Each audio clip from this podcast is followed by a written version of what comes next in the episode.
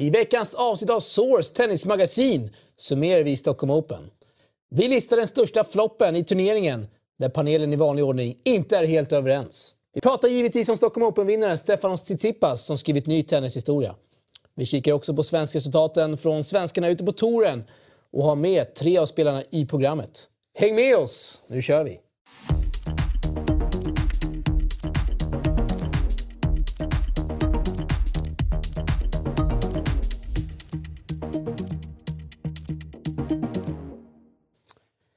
Välkomna ska man då till ett nytt avsnitt av Source, programmet där vi diskuterar tennis. Och eh, ja, i det här avsnittet så är det lite dystra miner, i alla fall från mig. Jag vet inte hur ni känner när Stockholm Open är över. Det har ju gått ruskigt fort. Uh, det är dagen efter turneringen är avslutad. Hur känner du Patrik? Jag tycker ju alltid att det är ett tomrum när eh, Stockholm Open är över. Man har eh, väl varit där i princip nästan varje dag och det blir eh, sena kvällar och man ser så mycket fram emot det och sen när allting är över så blir det så här, ja vad, vad ska man göra nu? vad ska man göra? Ja, ett år, ett år uh, får vi vänta helt enkelt till en ny turnering. Det, blir... det får vi göra. Annars så sitter vi i streamen och följer Basel och Wien och Paris och London så det är inte helt slut än i år. Så, Nej, hemma bara. Det går, lär väl gå fort. Uh, Simon Freud, välkommen tillbaka till Source. Tack. Tackar, tackar. Hur är läget med dig? Det är bra. Det är bra. Precis kommit från en liten barnvaktsservice här. Så. Såg det på det Insta-stories där lite stökigt. Inte kommer han till eh, programmet nu eller vad är det som händer? Full rulle där. Härligt. Ja.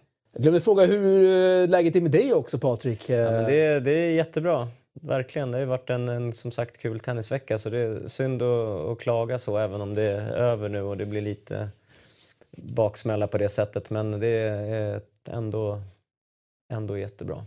Jag håller med. Jag sa här dystra miner i inledningen av programmet men det har ändå varit en fantastiskt rolig vecka. Man får ju ändå otroligt mycket energi av sånt här, känner jag i alla fall. Av att se fantastiskt tennis och nya, nya namn som kom till Stockholm Open i år som inte har varit med tidigare. De här, hela unga gänget. Så det har varit lite extra kul tävling i år. Verkligen, håller med dig. Och eh, en grek som vinner historisk mm. kommer vi till. Mm. Det är stort. Mm. Vad säger ja, du? Du verkar ha en liten eh, förkärlek för ja, Sitter så fast där. ja, möjligt, det är möjligt. Uh, vi gör så att vi går vidare till Stockholm Open direkt.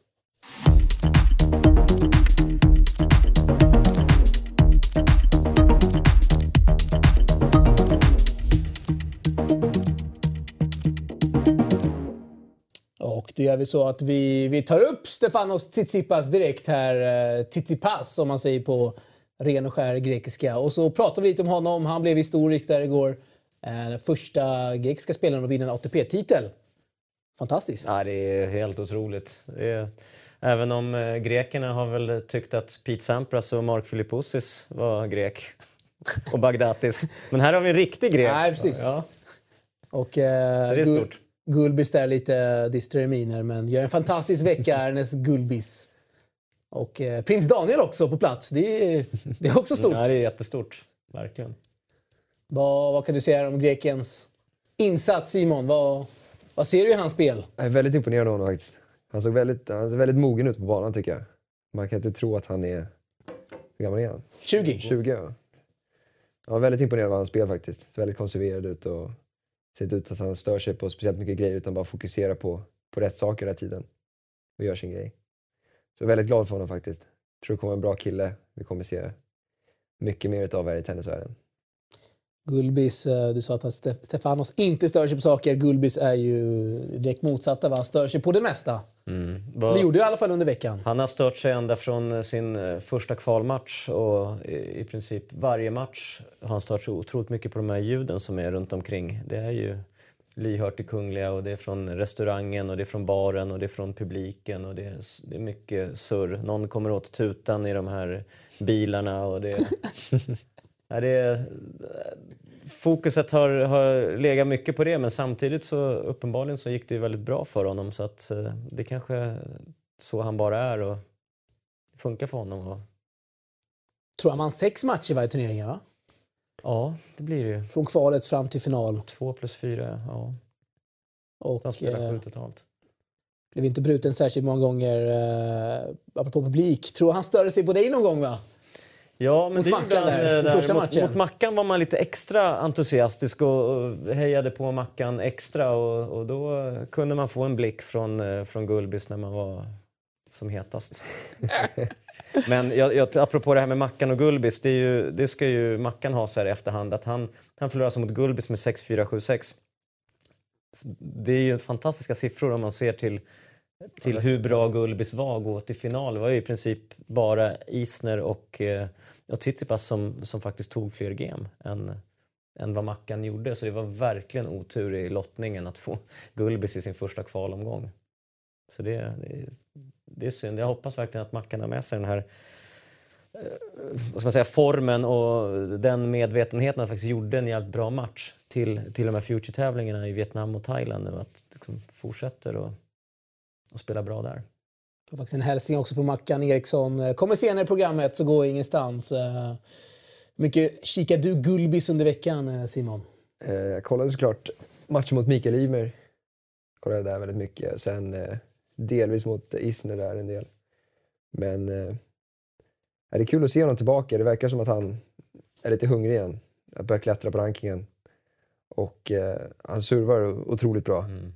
Jag kommer inte ihåg vem jag satt med i publiken men det var någon som verkligen eh, pratade väldigt högt om hans utåtserv. Speciellt på, på forehandsidan att han kunde spela en typ 2,20 utåt. Vilket är väldigt... Ja, det är inte lätt gjort Inte alltså. lätt att göra Nej. tennis va? Nej, på en utåt, alltså T-sur kan man nog få upp den där, de Mm. som bättre killarna, men utåt är det inte lätt att göra. Skyddade den väldigt bra också va? Ja, vi, vi satt ju exakt bakom där mot Chapovalov och man kunde inte riktigt läsa om Mm. det kommer en by. Men den måste ju bitit bra mot ja, men typ en vänsterhänt som Shapovalov är. För då får ju han den på sin backhand där. Det måste vara jävligt Ja, svårt att... Ja, den går snabbt där. Ja, de, går snabbt. han har rätt stora svingar också. Mm. Speciellt på en sån här stor backhand. Mm. Jag missade det tyvärr i matchen men kan tänka mig att han måste nog fått en del poäng där. Mm. Och han tar sig in nu va, bland de 100 bästa. Ja, 104 blev han 104. på rankingen efter det här och det räcker, kan räcka till en Australian Open-plats. Det är där någonstans kutten brukar gå. Så att, eh, men Vet du om han åkte vidare nu och spelade någon, någon annan tävling? Här? Han mötte Sock nu va, i eh, Ja. Basel. han Okej. mötte Sock. Han Sock igen? Rematch från eh, kvartsfinalen i, i Stockholm Open. Ja. Så att få se om han kan regroupa och, och spela bra där med. Måste ju ändå påstå att det är en relativt bra lottning eller att få Sock Mm. där. Sock är inte i superformer. Efter hans år, ja. Jag tror någon som pratade om att han kommer droppa till 170 i världen efter årsskiftet. Något sånt. Mm, Eh, kul med Gulbis tillbaka på touren, eller vad säger vi? det tycker Ja. jag. Absolut. Sevärd spelare. Han är ju en, han är en karaktär. Mm. Och det gillar man ju. Man, Det- ja, exakt. det Det, är- det är sånt det gör ju både gott och ont liksom, men i slutändan så är det mesta bra i såklart. Mm. Man behöver ju sådana människor och få upp lite intresse i tenniset. Alltså. Men just att han är så här grinig, då blir det extra Ja. roligt och till exempel som du, vi snackade om den här matchen mot Mackan då han kollar upp och är lite sur. Då, vill, då blir man ju lite peppad att fortsätta och, och stöka lite och, och få honom lite ur rytm. Och, så att det, det är kul. Så är det. det var någon journalist igår, eh, en av tre som pratade, jag var också där med, med Gulbis efter hans match, så var det någon som frågade om han verkligen tycker att han, eh, eller tror på att han kan nå den, den nivån som han har varit och om han är man förtjänar de här segrarna i Stockholm Open och då frågar han liksom vilken ranking är Chapovalov, vilken ranking har eh, Jack Sock? Och högg direkt mot journalisten och det, det måste man väl ändå gilla när eh, man Absolut. ställer lite halvtaskiga frågor kan jag tycka. Mm. Håller med. Fick vi se Fognini också, men det är en annan story kanske. Mm. Och eh, svenskarna ska vi givetvis prata om. Eh, bröderna Ymer fick ju, som de brukar få, ett vardera wildcard i huvudturneringen. Eh, hur rankar ni eh, brödernas insatser här? Elias vann ju en match mot Martyr och Micke förlorade mot Gullby som sagt. Vad, vad kan man säga om de här insatserna? Eh, det lite tråkigt hur det skulle jag säga. Jag tror, jag tycker båda två hade potential att göra lite bättre ifrån sig i den här tävlingen. Om man kollar till lottningen så tycker jag personligen att Elias borde ha slagit Jack Sock. Delvis. Och sen så tycker jag Mikael kunde nog ha stått emot Gulbis lite bättre än vad han gjorde där. Men eh, ja, det är såklart det är svår lottning liksom där mot Gulbis såklart. Men eh, Elias tycker jag faktiskt borde ha slagit Sock. Ja, inte så mycket mer att säga om saken egentligen. Jag vet inte. Jag tycker han, han, han hade världens chans. Han sa att eh, Jack Sock var 17 i världen och då kände jag direkt att men det stämmer, det stämmer nog inte riktigt. För han, på racet, vad ligger han då? Han ligger väl runt 100... 150 eller 150. liknande, att, Uh, kanske att han överskattade Jack Sock lite. Vad, vad tror du? mm, det kan det vara och det är kanske press. Man spelar hemma och, och med den vetskapen att Jack Sock inte har varit i så bra form så kanske man börjar tänka att nu kanske jag ska vinna mot honom. Eh, Är det jag som är favoriten då? För kanske man intalar sig, men han är ju 17 i världen, det är han som ska vara favorit. Och jag vet inte, det kanske blir, blir ett svårt läge just när man vet att den här killen, han har inte vunnit många matcher i år. Sex stycken var det bara. Ja. Så att det är eh, såklart eh, jättekul att han, han gjorde en väldigt bra vändning mot Martyr i första omgången ska ju tilläggas. att det var jättekul att han vann den och sen fick han ju den här möjligheten mot Sock som han inte tog. Och Micke förlorade mot Gulbis, inte så mycket mer att säga om det än gå till final. Gulbis i bra form så att det, de gjorde vad de kunde tycker jag väl ändå. En godkänd, godkänd insats. Borde man vänta länge med att ge Mikael Ymer ett wildcard med tanke på att han ligger runt 260 i världen? Eh, eller borde man, ja, borde man vänta ut helt enkelt? Eller vad? Nu gav man det ganska tidigt. Mm. Man kanske känner att ja, men jag, jag kan slappna av här några veckor innan Stockholm. Eh, Ja, han kanske skulle må bättre av att få kvala istället och få några matcher innan. Och, det har varit diskussioner om det på Twitter bland annat. Ja. Där det händer. Vad säger du om det Simon? Eh, ja, det låter inte som en dum idé egentligen att låta honom kvala där. Det kan vara bra för både honom och eh, för tävlingen då. Att få i sig lite matcher och så. Men eh, jag tror alla är medvetna om att Micke har en otrolig potential. Så det, är, det är både på gott och ont att många kanske blir lite lurade på att de förväntar sig att den här veckan så faller allting på plats ungefär. Man kan se det året än. Nästan lekte bort Verdasco till exempel här i Stockholm Open. Så, mm. så han har ju lite sådana grejer som lätt ja, kommer i vägen Mm. för rätt beslut eller fel beslut. Ja, det är väldigt svårt att säga med Mikael Ymer. Han är en väldigt speciell tennisspelare. Yes, vad som händer. Och eh, någonting som du gillar vet jag, dubbel. Ja. ska vi prata om eh, Banbridge O'Mara. Eh, ser man så, O'Mara? ja, De, de vann dubbeln där helt osidade och eh, här var en bild eh, på en presskonferensen efter när de vann titeln och eh, fullpackat där va? nej, det, var jag, det var jag och en till kan vi säga. Det var jag och en till. Vem var den andra? Ja, Någon hade gått fel eller? Nej, det var faktiskt, eh, ska vi se det, Marina Judanovs mamma som är eh, rysk-svensk tennisjournalist. Mycket duktig måste jag säga. Cred till henne. Hon ställer fantastiska frågor. Eh, Kommer rätt sent tror jag, torsdag till turneringen. Men eh, gjorde mig i sällskap och eh, det var en fröjd att ha henne. Bland min sida. Eh, ska prata lite mer om pressens insatser i övrigt. Men tillbaka till eh, dubbelparet här. Vad känner du dem för det första? Eh, jag lärde känna dem ganska bra under veckan. Umgicks en del med dem, men jag känner främst två andra britter som var med och spelade. Bröderna Skupskis känner jag sedan tidigare. Och eh, vilka Omara och Banbridge slog ut då i andra omgången. Men eh, jag är väldigt imponerad hur de spelade hela veckan faktiskt. De, vann ju, de har ju vunnit en ATP-titel tidigare. De vann i Eastbourne för några månader sedan tror jag. Första tävlingen de spelade tillsammans faktiskt. Och eh, ja, då berättade de att själva Eastbourne-tävlingen var, kändes som en riktig flopp ungefär, att de vann den. De hade inga förväntningar alls i den tävlingen. Men nu eh, när jag pratade med dem mellan semin och finalen så började de verkligen känna att de är på den här nivån och ja, är tillräckligt bra för att kunna förtjäna en sån här vinst. Tidigare så var det lite kanske att det ja, så lite flopp. Mm. Men eh, ja, jag tyckte, alltså alla matcher jag sett dem spela så tyckte jag verkligen att de var det bättre paret hela tiden. Så all cred till dem faktiskt. Jag tror de gjorde en väldigt bra tävling. Du missade inte många dubbelmatcher va, från eh, veckan. Såg dina stories där på Insta. Jag var nog, jag var nog mer på dubbelmatcher än eh, singelmatcher, måste jag nog påstå. Ja, det är stort. Det, det gillar vi. faktiskt. Ja, du ser någonting av de här eh, Ragen? Nej, jag har väl inget mer att tillägga. Simon la upp det bra. Nej, bra. Vi, vi byter. Hade Jakob varit här så hade han rasat för han gillar inte dubbel. Men vi gillar dubbel, eller hur Simon? inte? Jo, det, jo, Ja, nej, men jag kan påstå, de, Jag tycker de är roliga människor då, för de gjorde väldigt mycket roligt utanför banan också. Runt omkring tävlingar. Liksom, spelade golf en del med Johnny dagen innan finalen. Var det du som körde med han? Ja. Han nämnde att han var på körde. Stockholm Golf Club. Ja, presskonferensen. det var på tidigare på veckan. Ja, Men han fick in två, två golfrundor. Han fått in. Då körde han med bröderna Skupski och de körde allihopa fyra. Och Mara nämnde där att han eh, mitt i matchen såg Robin Söderling eh, med headset eh, på läktaren och då blev han toknervös. Direkt där. Ja, de har ju lite små crash. Det är ju mycket svenska dubbelspelare som är lite kända genom tiderna.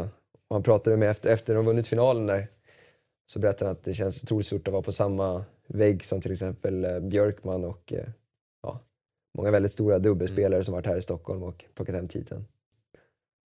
Det går bra för eh, brittisk dubbel om man får säga så. Tror de har sju i topp 100 va? Ja, så jag tror du skrev det lite om, om det i artikeln där om en, en speciell coach som Stämmer. Som har Intel på typ alla dubbelspelare på touren. Så att de här kan bara mejla och så får de liksom eh, hur många poäng de vill ha på sin motståndares backhandretur eller forehandretur. Det, det blir en liten edge mot, eh, säg sillen kanske inför en match. Det, det går bra för brittisk eh, singeltennis också. Kyle Edmund vann i Antwerpen samtidigt som de här vinner i Stockholm. Så en riktig britt, britthelg. Brittsommar har man ju att det också. Så. det har varit en bra brittsommar. Ja, det har det varit. Men nu är det kallt. Ja, nu är det klart. Krispigt ute. Eh, vi ska gå vidare och prata om eh, ljudvolymen i Stockholm Open. Mm. Och jag tror vi har ett litet klipp där eh, som jag...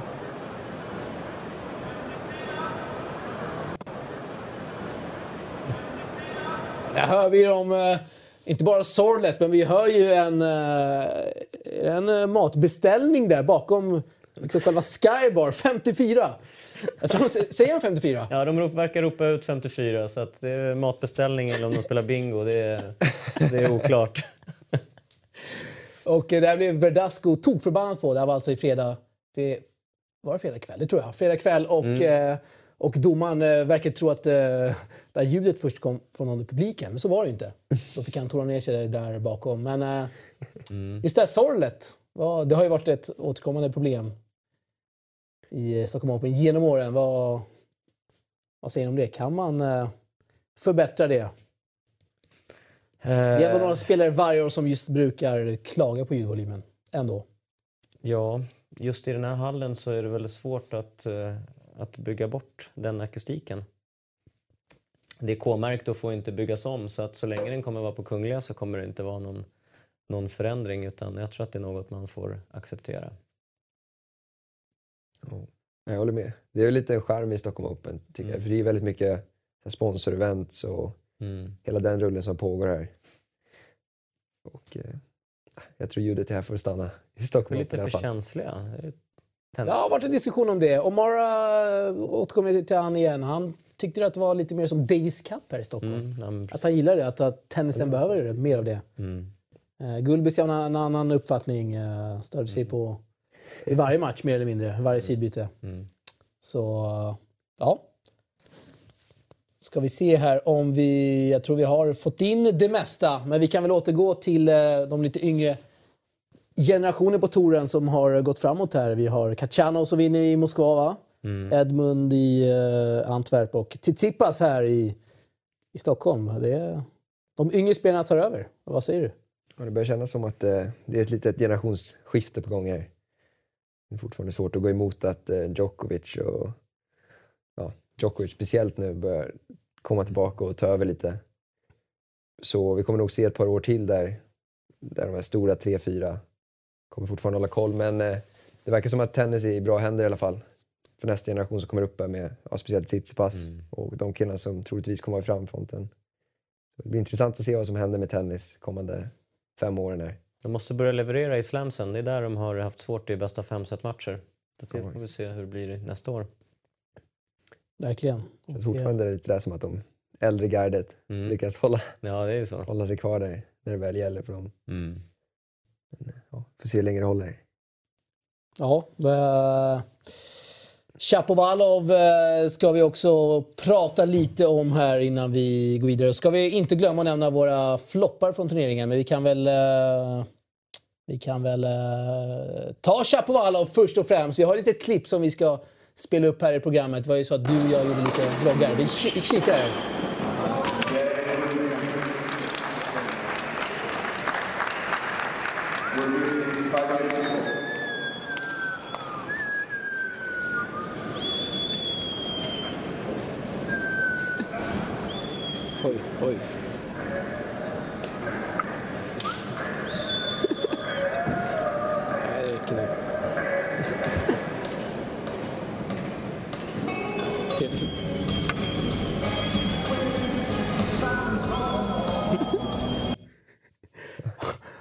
Ja, vill du berätta vad som händer Hagen? Ska jag göra det?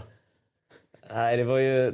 Det är en, alltid väldigt roligt just när det slängs racket så är det lite så här, nästan praxis att det ska visslas i, ifrån publiken. och, då, och grejen var att den här matchen, 5-4 i andra set, då var det ju strax efter midnatt. Eh, här torsdag natt mot fredag. Då var man trött. Ja, då var man trött. Det var inte många kvar. Det var kul att, sitta och, och småvissla åt honom det är knappt någon i publiken. Och så sitter man och visslar. Vart han, tittade han upp och undrade lite grann vad som hände. Han trodde det kom från baren. Ett riktigt stort ögonblick. Eh, Chapovalov blir eh, psykad där kan man väl säga. Ja, alltså om vi snackar... Eller psykad, han kanske förtjänar det.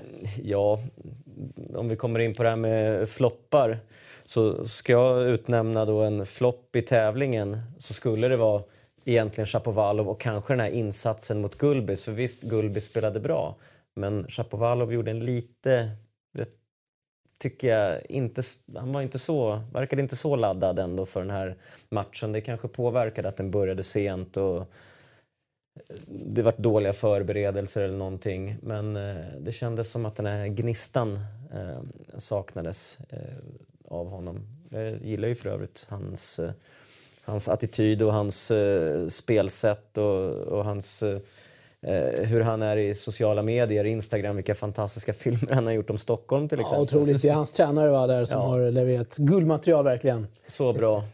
Och de har redan lagt ut eh, filmer från basen. Jag såg Så det. att, Ja, de, de, det är skönt. Det är helt rätt väg att gå och helt rätt spelare att och satsa på för, för Stockholm Open. Så det var ju faktiskt jättekul att se honom.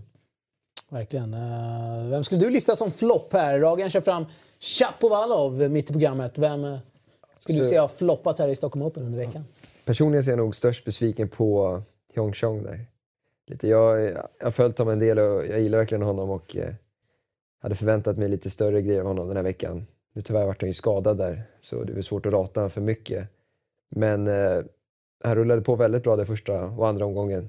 Han slog till exempel eh, Taylor Fritz i första relativt stora siffror så andra omgången tror jag var Dennis Kudla. Ja, just det. Också där, väldigt stora siffror. Och sen, eh, ja, så vart ju skadad där mot Fognini tyvärr. Mm. Så det kan väl klassas lite som en flopp.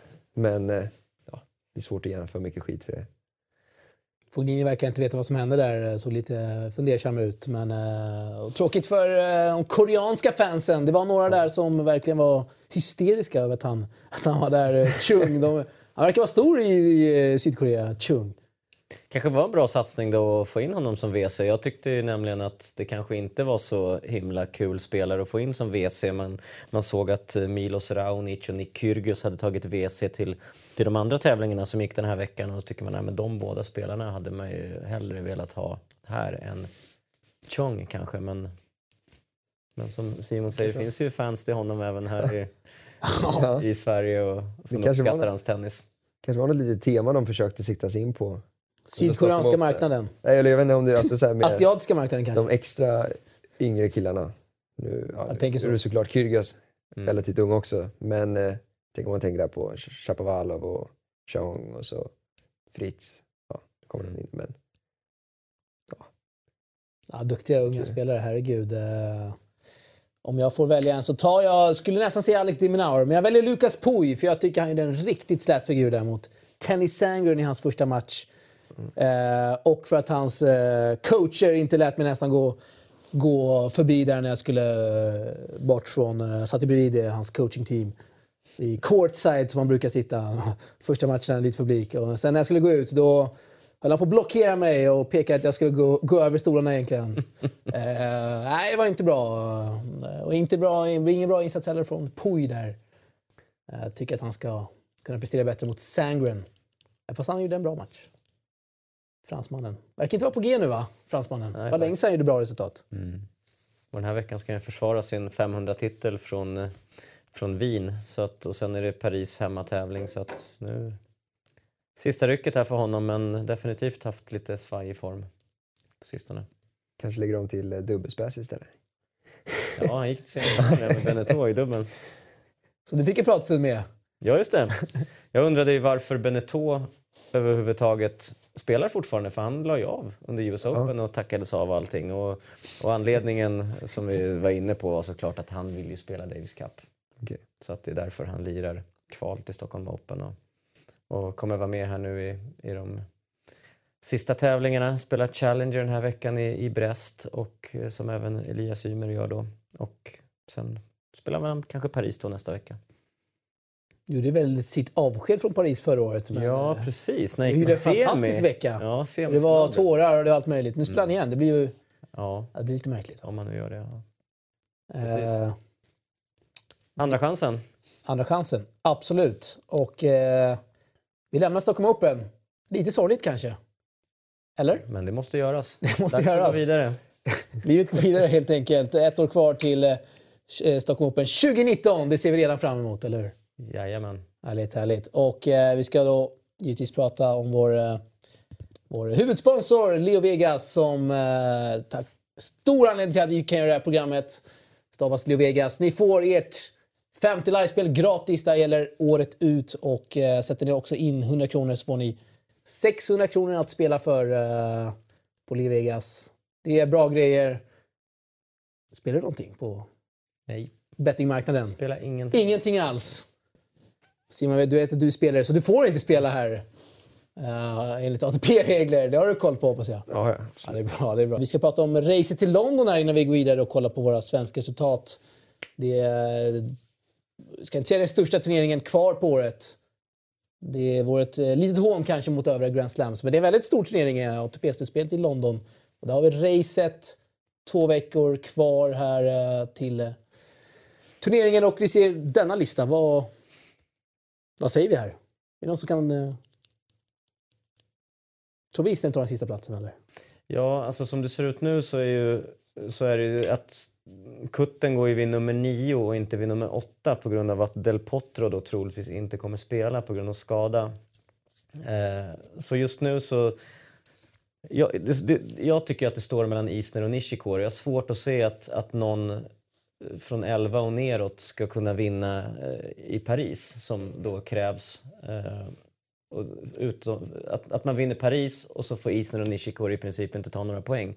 Och den, den ser jag som svår och, och då är det mellan Isner och Nishikori och tittar vi på att det är inomhusveckor, kanske lite snabbare underlag.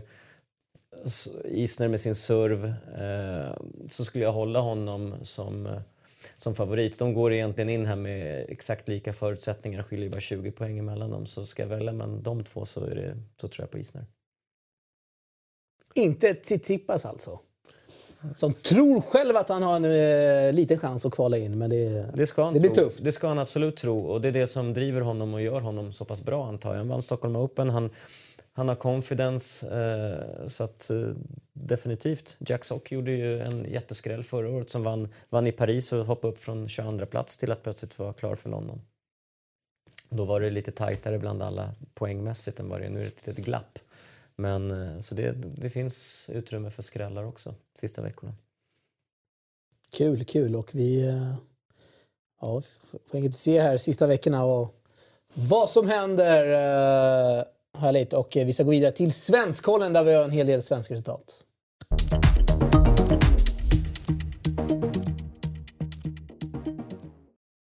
Och eh, Svenskkollen kan ni ju följa på våra sociala medier genom hashtaggen Svenskkollen. Så får ni upp de senaste resultaten från eh, våra svenskar ute på touren. Och vi ska kika lite till resultaten eh, senaste dygnet i alla fall här. De svenskar som är ute och krigar och tävlar. Och eh, vi ser... Ja, först och främst ser vi Jeppe Johansson Holm, eh, heter han väl, och inte Jakob, eller kallas väl för det. Som är ute i Portugal och lirar. Vann där en eh, kvalrunda i, på gruset. Och eh, Roman Lindstedt spelade, spelade kval, men torskade där med eh, Fabrice Martin. tråkigt för Robban?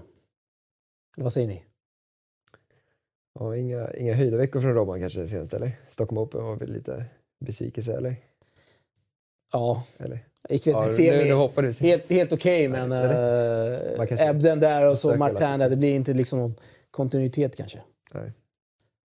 Och uh, Ruskas har väl du lirat dubbel med ganska nyligen, va? Ja, vi körde i Falun där. Dubbeltävling där, men eh, det gick ingen vidare från dem där. Nej, jag tyckte på att ni gjorde en bra, bra turnering där ändå. Ja, det är Falun. Det var, det var ganska tungt om jag måste säga det själv. Vi lyckades få med oss första setet 7-6. Jag tror vi vann eh, 15-13 i det tiebreaket. Och så hade vi eh, en del chanser att dra iväg lite där i andra och stänga butiken lite, men eh, ja, tyvärr gick inte det vägen. Vi hade 2-0 break och Vilka mötte ni? vet du, de eh, två tyskarna, Okej. vet han, eh. De var väl första eller andra sidan va? ja, två vänsterhänta killar. Andra sidan tror jag. Jaha, grym insats. Heter han, eh, vad heter fan. De gick till Jag final har i... glömt. Jag, jag såg det matchen på stream utan ljud. Eh, det, det, det är en bra, det är en bra insats. De var verkligen stor favoriter när man kikade på Mm. oddsen. Då snackar vi kanske 1 och 10 liksom. Eh, Så de var verkligen stor favoriter. Men eh, bra match som sagt. Gjorde ni Lister, förlåt, avbröt jag det där. Nej, men eh, Kumruskas i alla fall ute och kör. Det är tråkigt att det inte gick något vidare, men eh, hoppas tar igen det nästa vecka i alla fall. Men får vi se dig tillbaka då. Eh, snart då, jag åker iväg nu. Om en vecka drygt. Och tränar i tre veckor och sen så ska jag spela tre Futures i eh, Dominikanska republiken. Oj, Jaha. Så nu ska vi iväg här. Estrella Burgos kanske? Var kör du träningen någonstans då? Så jag kommer vara i, eh, i Kalifornien. Mm. Jag gick i skolan, jag gick i, på college i Santa Barbara. Okej. Så jag kommer nog vara, jag kommer spela en, eh, en tävling först i Los Angeles. Bara lite mindre pengatävling där. Mm. Sen kommer jag nog träna i Malibu en vecka och sen upp till Santa Barbara och sen köra där nog två veckor. Så Bra sparring där eller? ja, så jag, jag kom väldigt bra överens fortfarande med coacherna där. Mm. Så jag kommer jobba med dem och köra med laget. Sen kommer vi kunna köra lite privat på morgonen till exempel. Ja, kul. Och sen eh, så får jag tillgång till deras faciliteter där så jag kan gymma och försöka komma i form här igen. Jag Mm. har inte spelat så jättemycket tennis de senaste två månaderna om jag ska erkänna. Riktigt kul. Då får vi kanske en hälsning där från dig. Ja, Och eh, Tillsammans med Estrella Burgos. tillsammans med det vore Le- riktigt en stort. riktig legendar. Ja, där har vi... Det är ju Santo Domingo du ska spela. Kultfigur. Ja, exakt. Det är Santo Domingo. De hade väl en challenger där nyss Ja, va? ja, ja, det Ja, har precis. Oj, oj. Han är stor där va? Ja, det är Kan vara sista, sista året för honom, kanske. Han har ju åkt ner så långt på det Ja, här. han åkte ner riktigt mycket alltså. Mm. Kanske han lirar till och med? Nej, Jag eller? vet, jag vet inte, det är 15 000 futures där. Men Han borde ju ta lite. VC, eller VC behöver inte, han kan ju anmäla sig men bara för att spela lite Skoj på skulle hemma, ja, skoj skulle jag på hemmaplan. Visa fansen att att han när, när, man ändå, när man ändå är hemma och lirar lite. Ja. ja, det hoppas jag. Om han tänker så. Det skulle vara kul. Ja, vi ser också Klara Milisevic där eh, på hemmaplan i Stockholm. Det vankas ju en 15 000 dollars tävling där. Hon vann i kvalet. eh, jag tror vi har lite fler resultat att kolla på. Vi har ju några som är ute och kör i Vietnam. Eh, fyra svenskar. Och eh, vi såg Linus Frost. Vann där i kvalet. Eh, Samuelsson är också där. Så har vi Mackan Eriksson och eh, Bergevi va? Och Friberg till och med. Vi får upp lottningen där till Vietnam också. Det är fem svenskar om jag inte ser helt fel. Det är det va? Ja, i alla fall fyra. Eh, Ja, jag ser bara fyra där tror fyra är det. Solberg kvarade aldrig in. Eller Samuelsson var det, Förlåt. som inte kvarade in. Ja, han förlorade idag va, tror jag. Ja. Ja. Nej, det, det, det, man åker till Vietnam och så kanske man tänker att det blir lite lättare att, att, att spela här än Future men alla har ju fått så tuffa lottningar. Linus möter ju Bottesan, han är ju ung rumän, tror han är 21. Han är på sin eh, career high just nu. Eh, tror jag vunnit 20 matcher i år så han är ju verkligen på gång. Han vi körde Future i, i Sverige. Ja precis, han var i Sverige och körde båda. Precis, så hon- honom eh, känner ni säkert då, eller har träffat i Ja, alla Jag kollade på honom några gånger. Jag, jag var rätt imponerad av honom. Tyckte Mm. han spelade duktigt. Så då vet man ju Linus kommer få det skittufft i, i första omgången redan. Och, och skulle han ta den, ja, då har han eventuellt toppsida det andra.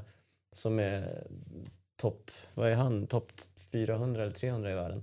Och så tittar man på Mackan då som, som är andra sidan och möter Indien Singh som har varit topp 400 i världen som när han var som bäst. Han är 600 någonting nu. Och vinner han den matchen, Då möter han eh, nya zeeländaren Rai som förra veckan vann en Future i Thailand och är, är i sitt livsform och, och också career high. Så det är inga lätta matcher. Bra koll du har där Ragen. Eh, Riktigt bra koll skulle jag säga. Ja, Futures är ju... Det är kul att ha koll. Det är ungefär 10-15 sådana om dag, eh, om, i veckan gånger 32 lottningar. Så 32 gånger 10, det är 400 spelare att ha koll på varje vecka. Vi hinner med allt annat. Lite, lite tungt där med ett, ett svensk möte i första omgången. Ja. där. Ja, Speciellt då ingen av dem kvalade heller. Precis, det är en bra poäng. De åker dit i, i team och, och så, liksom, säkert eh, liksom, hejar på varandra under matcherna och så ska två av dem mötas. Jag hade alltid för mig att de hade så här lite, inte regler, men automatiska grejer att de inte lottas mot någon från samma land i första, om möjligheten finns att det inte ska bli så. Men jag är inte helt säker på att det finns. Så är det Champions League. Det är det. Eller jag bara förväntade Inte- mig kanske att det ska vara så. Kan inte samma eh, lag från samma länder kan inte vara i, i samma grupp i gruppspelet. Men Så är det, va? är det Jag har andra, inte koll på fotbollen dessa dagar. andra regler. kan det mycket väl alla, vara. alla grabbar här spelar ju eh, dubbel också. Och Linus och, och eh, Christian Samuelsson vann ju i Frankrike en dubbeltävling, Future. Just det, just det.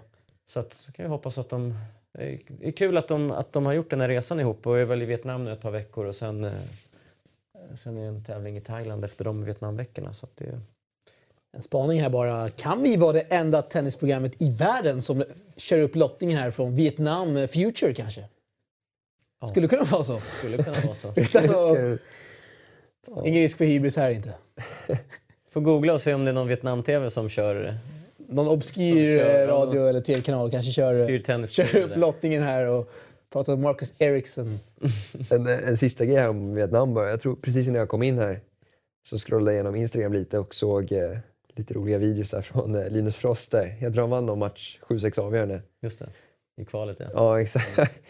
Han hoppade in i poolen där. Ja, Såg du Nej, riktigt bra klipp. eh, Jag gillar sådana där grejer. Vi pratade lite smått om det för, förra gången jag var här tror jag. Just det. Mm, Med silly Sam och sånt. Men det, Med lite humor ja. ja, exakt. Absolut. Ja, Du gillar sånt det vet jag. jag Spelarna bjuder sånt. på sig ute ja, på ja, det är touren. precis som man ska vara. Fan, det, det är så hårt allting med, med träning och kost och allting ska vara rätt hela tiden. Kul måste man ju också kunna ha.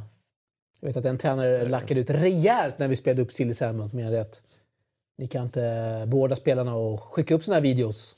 Men du är beredd att inte hålla med antar jag? Nej, jag tycker väl att, eh, att det, det är mer roligt att bjuda på sig själv och, och nå ut eh, lite bredare och, och hitta, hitta ny publik, skulle jag säga. Och kul också att de är ute tillsammans och liksom i Vietnam. Det måste betyda jättemycket för dem, tänker jag. Än, att man är ute själv och lirar liksom i... Nej, absolut. Det är ju måste vara väldigt tufft att åka ensam på touren.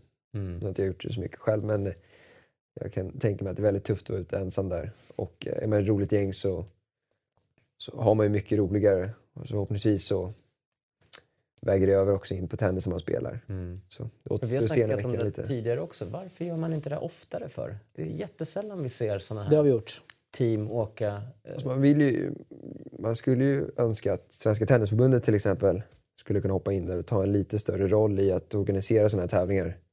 Eller resor. Då. Speciellt nu när ja, majoriteten av alla svenska tennisspelare ligger på future-nivå här. Mm. Så skulle det nog, även om kanske inte de behöver betala för någonting, men i alla fall hjälpa till att organisera. Kanske lite, hitta en sponsor som skulle kunna stå för det här. Det är inte helt omöjligt. Mm. Men jag tror fortfarande bara att hjälpa till att organisera skulle göra väldigt Ja. stor skillnad. Att få ihop killarna och lägga ett litet upplägg till dem ungefär. Eller ja, matcha ihop spelarna egentligen i första hand. Skulle nog hjälpa väldigt mycket tror jag.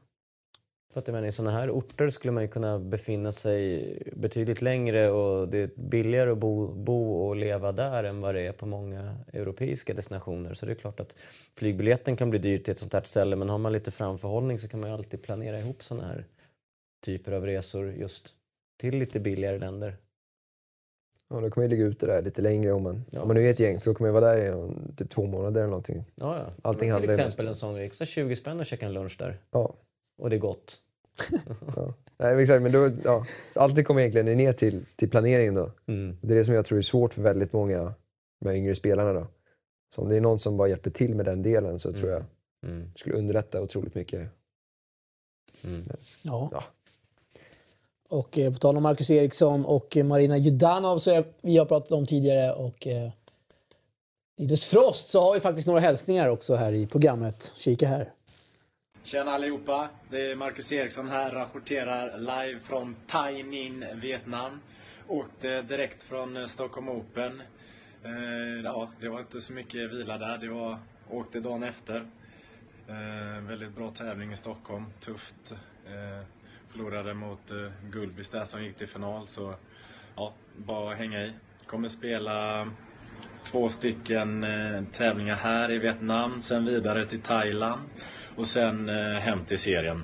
Och ja, ska vi kolla lite här vad gubbarna håller på med. Har vi Filip Bergevi och Florian Lacatte. Spelar lite Fifa här. Som vi ja, gör varje dag. När vi inte spelar matcher. Vann eh, första rundan i dubbel idag och så är det dubbel imorgon. Så kör vi. Tjena, Linus Frost här. Eh, Jag fick en förfrågan av er om att eh, göra lite rapporteringar från eh, Vietnam. Och det är ju inte bara jag här utan även Carl Friberg, Filip Bergevi, Marcus Eriksson och Christian Samuelsson. Eh, ja, vi kom förra veckan. Eh, spelat eh, lite kval nu i helgen, jag och Christian, medan de andra tre gick rakt vägen in i huvudtävlingen. Eh, jag lyckades kvala in idag, en tuff tresetare, medan Christian tyvärr föll i eh, kvalfinalen. Ja, tufft att spela här. Varmt, luftfuktigheten är hög. Ehm, ja, allt blir så mycket jobbigare. Det känns som att springa runt i en bastu i princip. Så eh, ja, tufft att spela, men eh, Vanesak tror jag också kommer nog bli lite lättare i, i nästa vecka.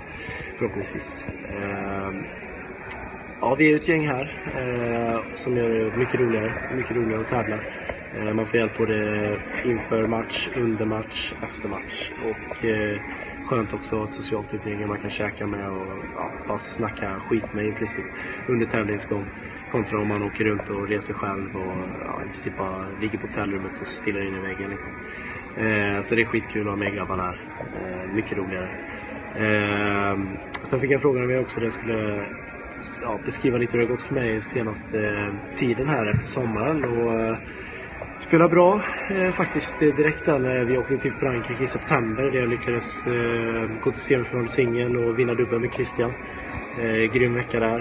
Eh, och sen en, eh, ändå en bra vecka i Mulhouse veckan efter i Frankrike också där jag då lyckades gå en runda i, i huvudtävlingen och eh, tyvärr föll i första matchen i dubbeln med eh, med Christian, men det var ändå en eh, lyckad vecka då faktiskt. Eh, sen vidare till svenska, spela Stockholm. Eh, ja, första rundan där i, i, i singel också, kändes bra. Eh, och sen i Falun eh, likaså där en runda. Så det har ändå blivit några poäng nu på de senaste tävlingarna, vilket är jäkligt kul. Eh, så det är bara att hoppas att det fortsätter så. Och även här i Vietnam nu då när jag ska in i huvudtävlingen på onsdag. Eh, så ja, det är bara att slita på. Eh, Försöka spela så mycket tävlingar som det går. Eh, Härnäst väntar ju också Elitserien. Så det blir ett break där på en månad nu när vi kommer hem efter Vietnam.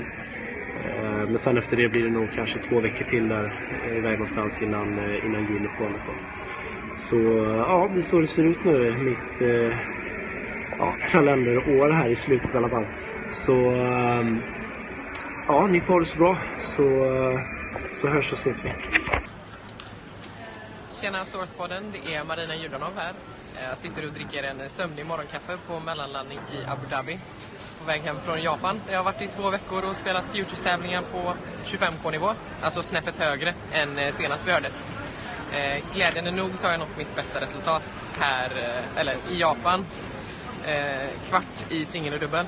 Så det går med små steg framåt kan vi säga.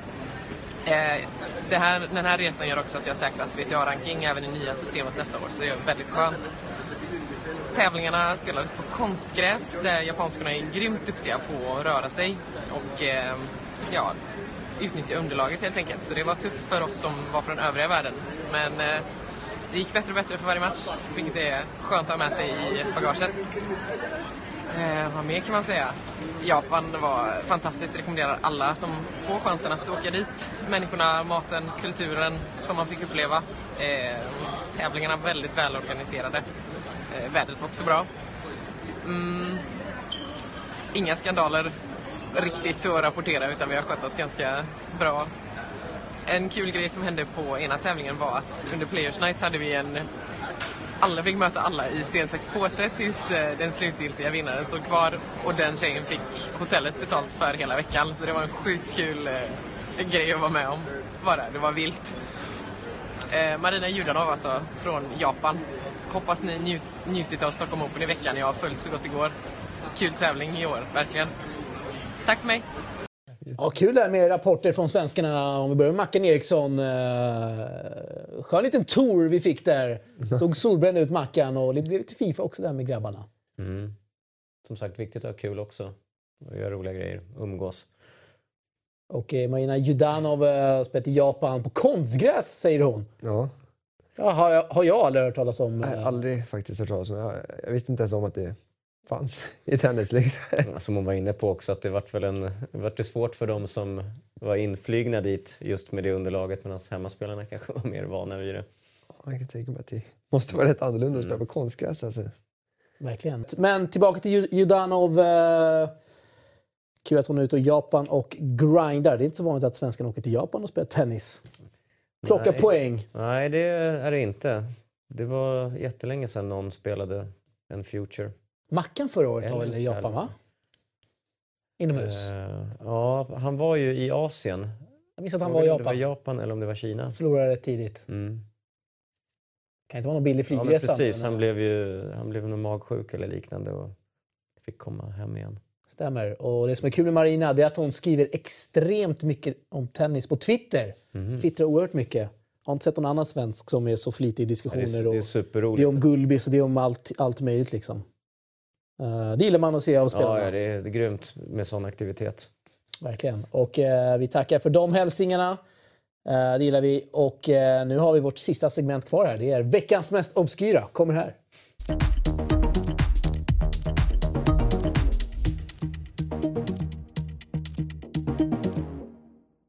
Och eh, passande nog så har vi veckans mest obskyra från Stockholm Open.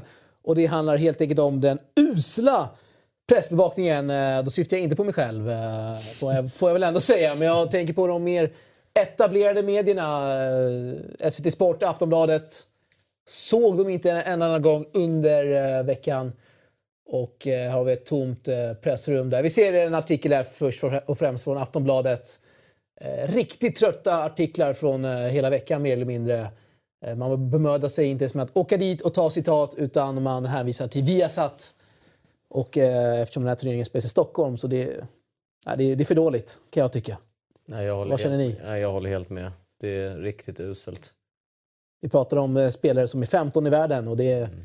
och det är liksom två journalister på presskonferensen. Det är jag och Judanovs eh, mamma, ska vi säga. Inga fler. Mm. Det är märkligt. Känner jag. Rekordlågt antal på PK. Det är väldigt tråkigt att se faktiskt, måste jag erkänna. Tråkigt för Tennis-Sverige. Ja.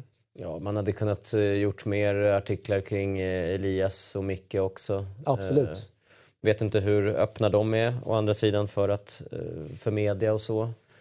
Men inte ens så länge de var med i tävlingen så var det speciellt mycket. Nej, och det brukar alltid vara det. Så det har du helt rätt i. Men jag menar i singeln, det är inte ofta de går längre än till andra rundan, till exempel Nej. ATP. Och så har vi storspelarna kvar ändå. Liksom. Vi snackar om spelare topp 20 i världen. Eh, Ja, det är så, så är inte folk där liksom. Nej, det är, det är riktigt dåligt. Det håller jag med om. Vi som har stort tennishjärta, vi tycker det är jättetråkigt. Nej, det är tråkigt. Mycket tråkigt. Men eh, vi ska inte avsluta det här programmet på ett eh, tråkigt vis ändå. Eller vad, vad säger ni? Vi, eh, Nej, det vill man inte göra. vill man inte göra? Nej, det vill man inte göra. Nej. ja, vad har vi klockat in på? Är det en 45 idag kanske? Har vi tid där? Har, klockan är 7.55. Ja, det blir 55 minuter ändå. Du jag hade hoppats på 45 där i ragan. Ja, Ja, nej, eh, vi har inte så mycket mer att säga. Eh, Stort tack för att ni kom idag här. Patrik Ragan och Simon Freund. Kan man följa på Instagram har ni båda. Vet jag. Mm. Får. Jag, Folket på, följer dig och du ska ut och resa. Får du skicka in en hälsning här till oss i programmet. ja, jag överväger att eh, dra, upp min, eh, dra igång min blogg här igen. Oj! Skriva lite. Som jag hade Ja, lite det är- förr när jag var mycket yngre. Har du den eh, bloggen kvar? kul. Jag tror den finns kvar där, men jag... Eh, Annars har du ju alltid ett eh, forum här på Tennisportalen. Det är ju bara att hojta till så kan vi lösa något. Se Vad säger du om med den. Ja, vi får se vad som händer med den delen. Jag håller på att överväga lite fort, fortfarande. Här. Kanske köra vloggar som du och jag har kört eh, under Stockholm Open. eh, Precis. Det är I lite rörligt material istället kanske, eller vad, vad tänker du? Ja, jag får se lite. Jag, jag börjar skriva mest. Jag kommer att åka runt en del där och troligtvis göra ganska mycket andra grejer runt omkring tennisen. Brukar alltid ha en tendens att göra lite för mycket, kanske. Lite golf? Men eh, ja, det kommer nog hända. Det kommer nog bli ett par golfrundor här och där. Men eh, ja, först och främst kommer det nog vara tennis. Härligt. Eh, våra vloggar, mycket bra. Vi önskar dig all lycka. Patrik, eh, vi lär väl synas snart. Våra vloggar finns på Tennisportalens YouTube-konto. Ja. Tennisportalen TV får man söka där. Eh, riktigt bra vlogg här senast som kom ut. Eh, Mycket bra material. Så det.